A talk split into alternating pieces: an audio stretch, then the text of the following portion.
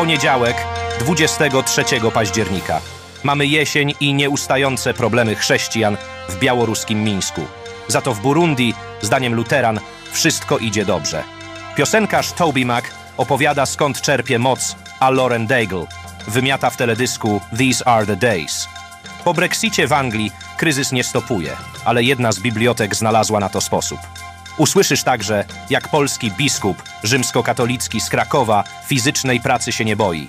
Co na to jego koledzy? Podczas Festiwalu Kultury Protestanckiej we Wrocławiu odbyła się ceremonia wręczenia nagrody Kościoła Ewangelicko-Augsburskiego imienia Królewny Anny Wazówny. Nabożeństwo w Kościele Świętej Marii Magdaleny prowadzili biskupi Waldemar Pytel i Jerzy Samiec. Ksiądz Martin Junge, były sekretarz generalny Światowej Federacji Luterańskiej, podczas kazania podkreślił wagę świadectwa Kościoła. Nagrodę otrzymali Martin Junge i Piotr Oszczanowski.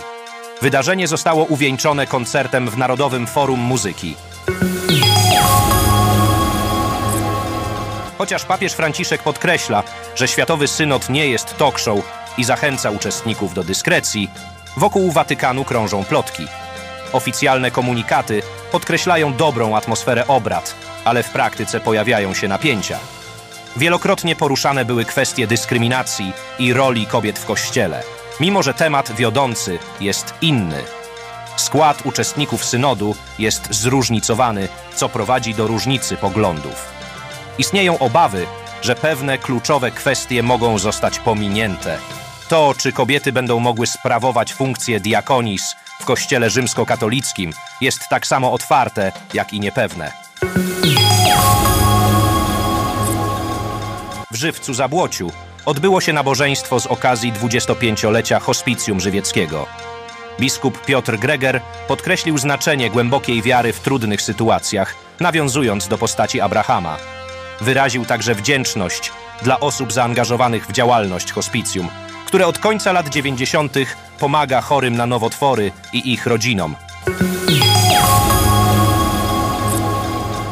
Kościół ewangelikalny New Life w Mińsku został zamknięty po oskarżeniu o nieprzerejestrowanie się i propagowanie wojny. Po likwidacji działalność Kościoła zagrożona jest karą więzienia lub grzywną. Kościół krytykował reżim prezydenta Łukaszenki i wyraził poparcie dla pokojowych protestów w 2020 roku. Pastor Goncharenko uważa, że powody zamknięcia są słabe i zachęca wspólnotę do kontynuowania spotkań i modlitw. Wcześniejsze próby eksmisji kościoła nie powiodły się. Wyznawcy nie poddają się. Nabożeństwa od wielu miesięcy odbywają się na parkingu.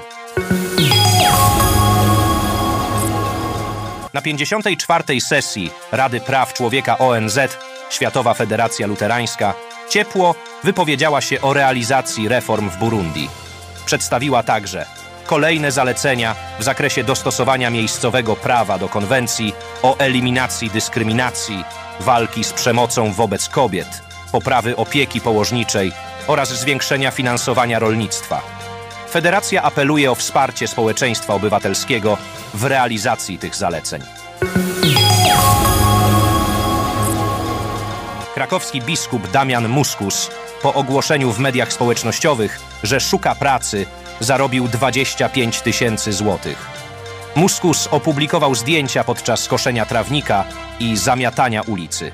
Całą sumę przeznaczył na leczenie dziewczynki, Kamili, cierpiącej na rdzeniowy zanik mięśni. Akcję wsparcia Kamili promował również w mediach społecznościowych. To nie pierwsza dobroczynna inicjatywa tego biskupa. Czy inni biskupi chwycą zamiotłę i pójdą w jego ślady? Toby Mac, siedmiokrotny zdobywca Gramy, wyznał, że po tragicznej śmierci swojego syna jego wiara się umocniła i czuje się bliżej Boga niż kiedykolwiek wcześniej. Artysta podkreślił wsparcie środowiska producentów muzyki chrześcijańskiej i wyraził wdzięczność dla osób, które były z nim w trudnych chwilach. Jego syn, Truet, zmarł w wieku 20 lat. Toby Mac podpowiada innym w podobnej sytuacji, że każdy przeżywa żałobę inaczej, ale warto zastanowić się nad suwerennością Boga i szukać Go nawet w trudnych momentach. Biblioteki w Anglii, Walii i Irlandii Północnej planują otwarcie ciepłych punktów na zimę, by wspierać osoby mające trudności z ogrzewaniem swoich domów. Ta inicjatywa została wprowadzona w odpowiedzi na gwałtowny wzrost cen energii. Biblioteki nie tylko udostępnią ogrzewane przestrzenie, ale także zorganizują wydarzenia kulturalne, zapewnią darmowe ciepłe napoje oraz zorganizują liczne warsztaty.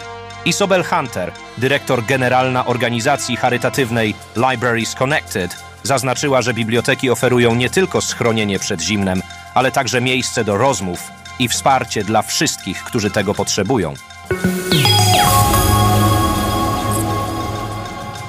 W energetycznej piosence Lauren Daigle przekazuje wiadomość o nadziei i radości. Artystka zachęca nas, abyśmy zostawiali za sobą wszystkie troski i cieszyli się życiem, które daje nam Jezus.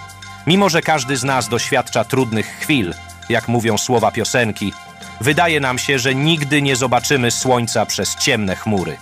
Daigle przypomina, że nasze problemy nie definiują naszego życia. Dzięki Jezusowi możemy doświadczyć prawdziwej radości.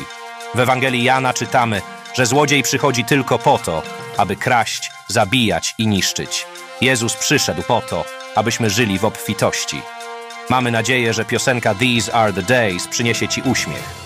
Możesz ją odsłuchać za pośrednictwem naszego portalu pod adresem radiosafira.com. To wszystko w dzisiejszym serwisie informacyjnym Safira FM. Zostańcie na naszej fali. Niech nam wszystkim Bóg błogosławi.